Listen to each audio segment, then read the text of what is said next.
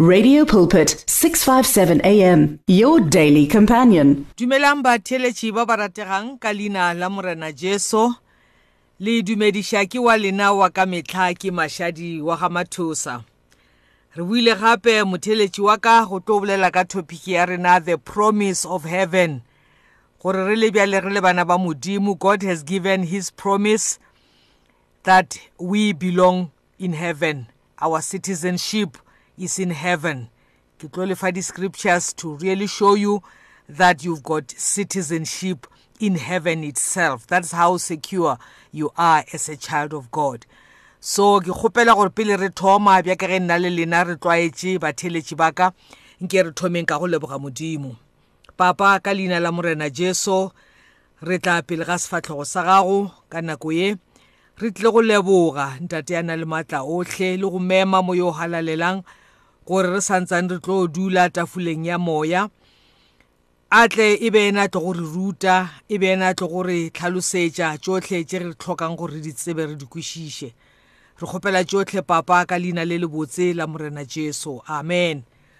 Motheletši wa ka re sa bolela ka taba ya gore ga re felele mo re ya gae jerusalema. Morena jesu o ile a bolela mantswe ya gore in my father's house there are many mansions. Yo motheletši wa ka there's enough room in the house of god for you.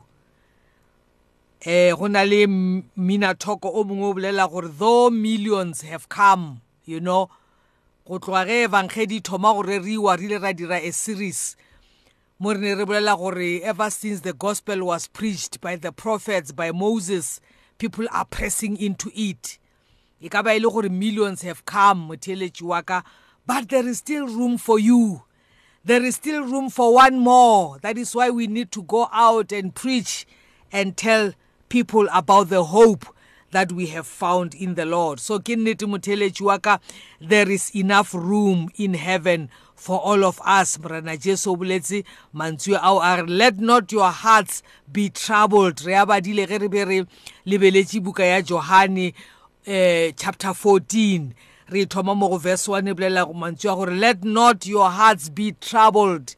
Don't be troubled motheletši wa ka. I know gore we are living in difficult times where we are troubled you know. Financially we are troubled. You know economically we are we are troubled. Socially we are troubled. We are troubled politically in so many ways that we are going through a lot of trouble. So morena jesu comes in in the midst of that storm or don't be troubled. Don't let your hearts be troubled. So today motheletši wa ka you better listen to the one who speaks from heaven. Lentšu la modimo le rena re tlo phenyoga bjang? Ge re gana o a bolelang a e tswa le legodimong. Let us rather listen and obey the one who speaks from heaven. Ore let not your hearts be troubled. Ore believe in god. Motheletši wa ka i'm here to encourage you to once more believe in god. Bible e re we are a peculiar nation. Yes people around us are troubled. People around us are asking questions that are never answered. Fella, we are a peculiar nation. We are God's own people. We are different from the world.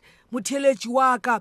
Re ba ba utlwellang morena jesu ga re don't let your hearts be troubled together with the world. Or believe in god. I'm here motheletši wa ka as a voice that speaks on behalf of god. Gore be different. Come out of the world. Don't be like them. You are a peculiar nation. You are different from the world. We are those who believe in God. And Morena Jesu ore let not your hearts be troubled. Ore in my father's house there are many mansions. So motheletši wa ka I am here to remind you gore there is a promise of heaven. Ore Morena Jesu ore And if I go and prepare a place for you, God is busy preparing a place for you, Mtelechi Waka. We don't belong here. We don't belong on this earth. Morena jesu ore i go to prepare a place for you. And then ore i'll come again and take you to myself. Re batho ba motheletši wa ka ba re phelang letšatši ka letšatši with this promise ya gore morena jesu o rile i will come again and i will take you to myself. Isn't this awesome motheletši wa ka? O re that where i am you may be also. Dilo tšeo di bonang motheletši o ka ke tša lebakanyana. Mabothata re fetang ka mogare ga ona ke a lebakanyana. The persecutions tse re fetang mo go tsona ke tša lebakanyana. And then morana jesu o re and you know the way to where i am going. Tsela ke morena jesu motheletši wa ka. So ka mantswe o mongwe ke rata gore go wena you've got everything that it takes. You've got all you need. Mo go morena jesu ke ena tsela ke ena nnete ebile ke ena bophelo. So ma motlha motheletši wa ka allow me to to start by taking you to the life of paul. Paulo ke ena motlhanka wa modimo wa ngwadileng the better part of the new testament. And paulo ke monna o e leng gore when you look at his life he went through a lot of persecutions himself. Mara go na le mantswe a re fang ona. Ga ntse a ya through persecutions ga ntse a ya through troubles somehow his heart was not troubled because his eyes were fixed on the promise of heaven. So we are going to be learning lessons from the life of Paul. Re motheletšela gare imitate me as I imitate Christ. So motheletšwa I'm just reminding you about the life of Paul so that you will be encouraged one more time to to to to, to imitate Paul as he imitates Christ. Matšatšing a re sepela mo go wena motheletši wa ka, we really need to fix our eyes upon the Lord so that we are sure we are following the right Christ. Lentšu la modimo le bolela gore metlheng ya bofelo go tlo tla bokreste ba bantšhi. So o ka tla kgwetša le gore if you don't fix your eyes on the lord o ka tla ke kgwetša le gore o tsamaya ka mosepelo wa motho wa ipitšang kreste mara e se yena kreste wa nnete. So it helps gore re fele re boela lentšung la modimo re checka gore na kana kreste ke motho o mo bjang go ya ka lentšu la modimo. Otherwise re ka tla ra ikhwetša re timetše so today we are taking the life of paul. Monna o e leng gore has written the better part of the new testament o e leng gore o ne a imitator morena jesu bophelong ba gage bo botlhe. Le yena a ba re kgothatsa gore imitate me as i imitate Christ. So ke rata go bala eh mo go second Timothy eh chapter 3 re bolela ka taba ya gore you know ge o phela bophelo bo bokgethwa sufferings and persecutions somehow are attracted to you. Motlhomongwe motheletši wa ka o na le go iputša gore na ke ngwana wa modimo. I follow the word of god. Kgale ke rapela. Kgale ke rera evangeli but why am i still suffering? Motlhomongwe wa ipotšiša and because you continue with these questions in your mind motlhomongwe ga wa fitlha mo e le gore o kry-a di-answers and you are starting to be discouraged. I just want to encourage you ka bophelo ba Paulo gore o bone gore it is normal as a child of God to go through persecutions. To go through sufferings. Gobane paulo le yena has gone through the same but his faith was anchored mo tabeng ya gore there is a promise of eternal life. There is a promise of resurrection and there is a promise of life in heaven. So second timothy chapter 3 ge re thoma mo go verse 10 e bolela mantswe ya gore you however have followed my teaching. You have followed my conduct. You have followed my aim in life. You have followed my faith. You have followed my patience. You have followed my love, my steadfastness. Mtelechoka, as I'm reading these qualities that Timothy was, was, was imitating as he was watching Paul. Luana uti, uti introspect. O lebelele gore na are these fruits manifesting in my life? Am i imitating the right person? Timothy was imitating paul. And uh, paul o a bolela gore these are the things that i've observed in the life of timothy. Ke dilo tše nantša a di bona mo go nna and they are now starting to show in his life. Ore you have followed my teaching. Motheletši wa ka check the teaching that you are following. Is it the teaching of jesus christ? Ka mokgwa morena jesu a go fileng yona na check your conduct maitshwaro wa gago your temper gore na o behavior bjang you know or you, you have followed my aim in life. Check out your aim in life, the goals that you have set for yourself, the objectives that you have set for yourself.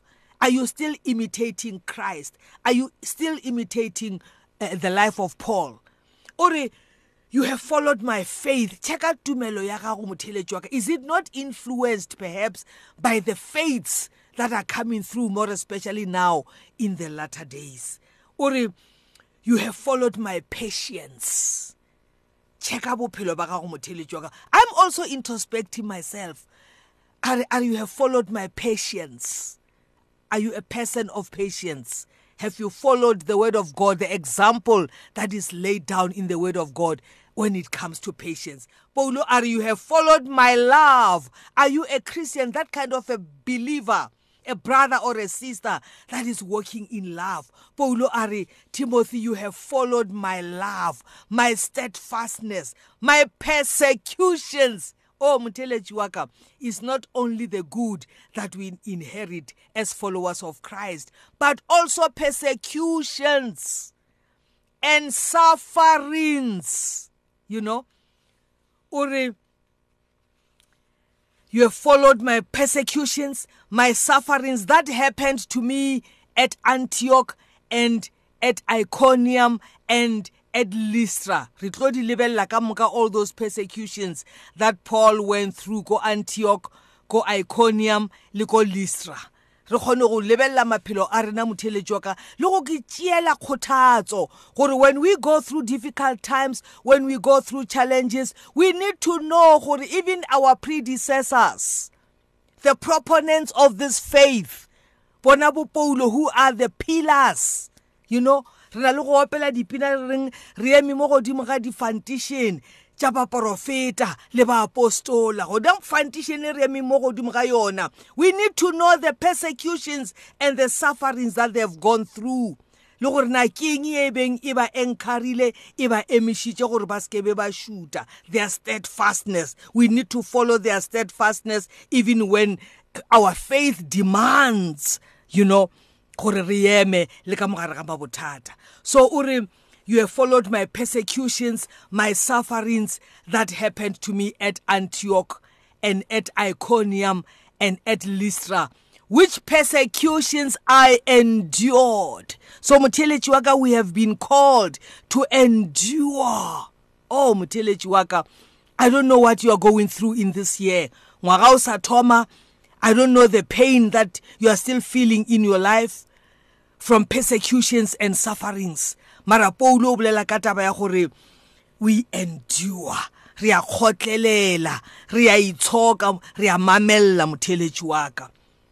O re yet from them all the lord rescued me. All this come with a promise motheletši wa ka gore ga gona anything that will last forever. Whatever situation you are going through at this point in time tseba gore go ya ka lentšu la modimo it will not last forever. Paulo o re i endured persecutions are yet from them all the lord rescued me. Are indeed all who desire to live a godly life in Christ Jesus will be persecuted. Mutele Chuaka, there's your answer. Do you understand why you are so much persecuted? Motlhomongwe ka gae, motlhomongwe kerekeng, motlhomongwe mošomong, motlhomongwe in your social circles. Lentšu la modimo le re all who desire to live a godly life in christ jesus will be persecuted. That is the answer. Ge ke thoma ke boletše taba ya gore we are a peculiar nation.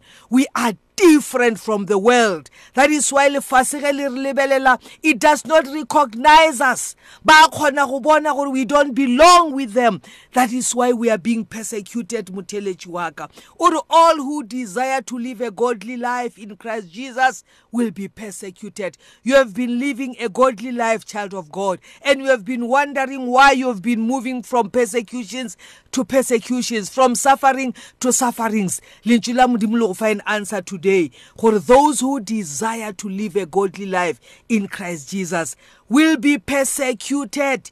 Fela motheletši wa ka there are promises in the word of god. Morena jesu o re tshepišitše an open heaven above our lives. Ke ditemana tše re thomileng ka tšona and we are still gonna unpack go bontšha gore there is a whole heaven backing you up. Le go tsamaya ka re ga mathata there is a whole kingdom of heaven that is backing you up. Nako e mpheletše motheletši wa ka a re kopaneng gape bekeng e tleng a modimo wa kgotso a letlhogonolofatše Radio buzzing of life. 657 AM.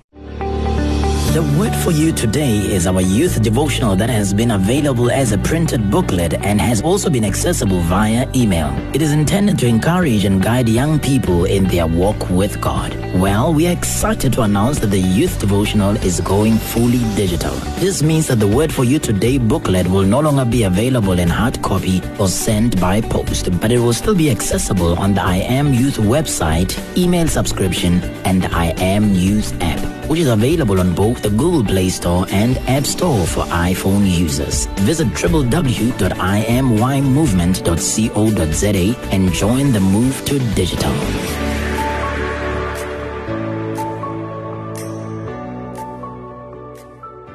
For there is a time to search and a time to give up, a time to reap and a time to sow. Radio Pulpit wishes to be there at all times, even when you just need prayer.